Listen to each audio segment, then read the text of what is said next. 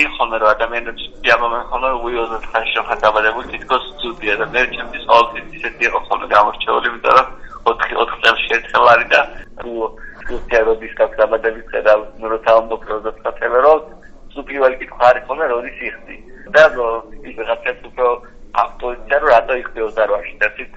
ის ლოგიკა ახო რომ რაღაცა